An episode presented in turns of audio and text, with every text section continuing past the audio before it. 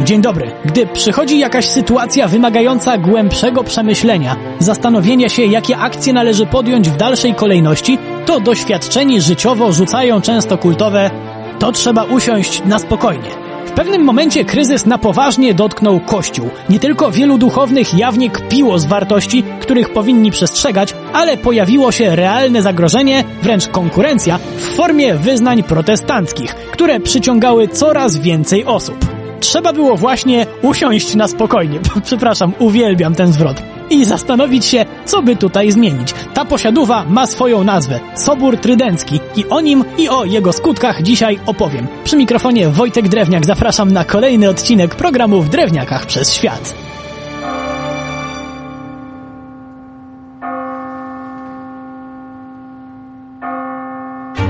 Upadek obyczajów w kościele doprowadził do reformacji, jaką rozpoczął Marcin Luther w 1517 roku. Na początku więc musimy sobie uzmysłowić bardzo bolesną kwestię.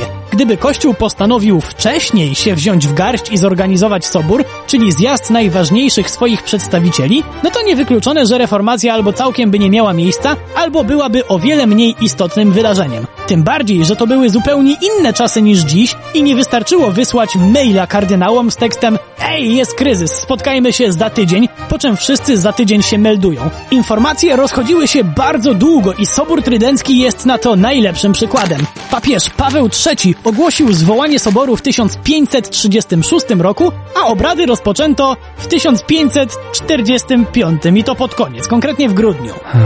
W tej sytuacji szybko okazało się, że absolutnie nie ma już mowy o pojednaniu się z protestantami, bo reformacja hulała w najlepsze. Trzeba się było skupić na reformach samego kościoła. Zaczęto jednak od rzeczy czysto teologicznych. Z jakiegoś powodu uznano za priorytet jasne określenie tego, co różni katolików od protestantów. Podkreślono znaczenie sakramentów, uznano, że nie tylko Pismo Święte jest źródłem wiary, ale i tradycja i jeszcze kilka innych teoretycznych kwestii. Na szczęście na tym nie poprzestano i po jakimś czasie ktoś zadał niewygodne pytanie. No spoko, ale co z tym kryzysem?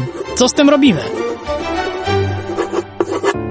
Ustalono bardzo konkretne kwestie, które przede wszystkim miały dostosować wreszcie religię do konkretnych społeczeństw. Duchowni mieli być moralnie czyści, wyedukowani i potrafiący pokazać Boga zwykłym ludziom. Jak to wyglądało w praktyce? Najłatwiej powiedzieć, że różnie i faktycznie będzie to prawda, bo zależy od rejonu Europy. My skupmy się na naszych ziemiach, bo u nas jak zawsze było wyjątkowo, choć jak nie zawsze w dobrym tego słowa znaczeniu.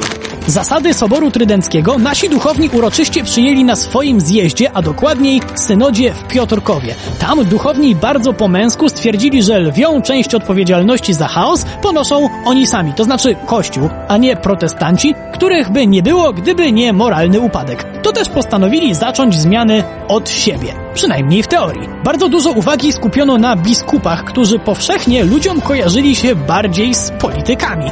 Od tej pory mieli przede wszystkim mieć solidną wiedzę. Mieli się nie dość, że porządnie przyuczyć, to jeszcze się rozwijać, pisząc publikacje teologiczne. Mieli też od tej pory obowiązek wizytowania parafii, przekazywania swojej wiedzy młodszym kolegom i co ważne, przebywania w swojej diecezji, a nie gdzieś nie wiadomo gdzie, a swoją funkcję pełnić tylko honorowo.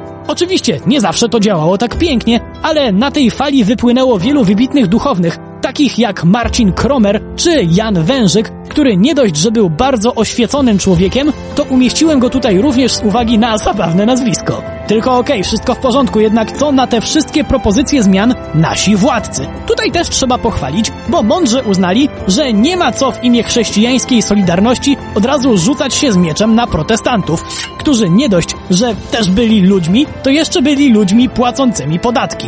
To też na przykład Batory naciskał episkopat, żeby ten sprawniej wprowadzał zmiany, a szlachta pomagała utrzymać równowagę i spokój. W 1573 roku podpisano jeden z najfajniejszych dokumentów w naszej historii. Gwarantował prawnie wolność religijną. Dodatkowo, a może w sumie przede wszystkim, pośród naszej szlachty panowała tolerancja wyznaniowa, bo dla ogromnej części tego stanu priorytetową religią były pieniądze. To też może i nie zgadzali się światopoglądowo z innymi szlachcicami, ale nieważne czy katolik czy protestant, zawsze szlachta broniła wzajemnie swoich interesów.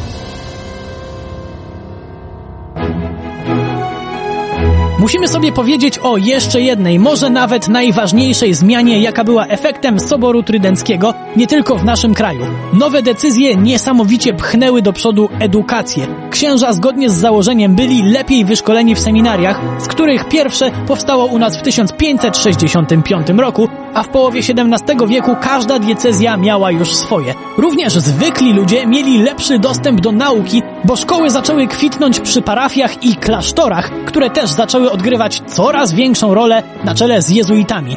Ale czy przypadkiem za bardzo nie koloryzujesz, panie drewniak? Bardzo bym nie chciał, żeby to tak zabrzmiało. Owszem, były wyjątki, naturalnie, a w XVII wieku nietolerancja zaczęła się u nas odrobinę nasilać, ale głównie wśród szlachty, której walił się grunt pod nogami. Mimo wszystko, założenia Soboru Trydenckiego w Polsce dzięki normalnemu podejściu kościoła i władców dały nieporównywalnie lepsze efekty niż we Francji czy Anglii, ale o tamtejszych wojnach religijnych może już innym razem. Przy mikrofonie był Wojtek Drewniak. Do usłyszenia.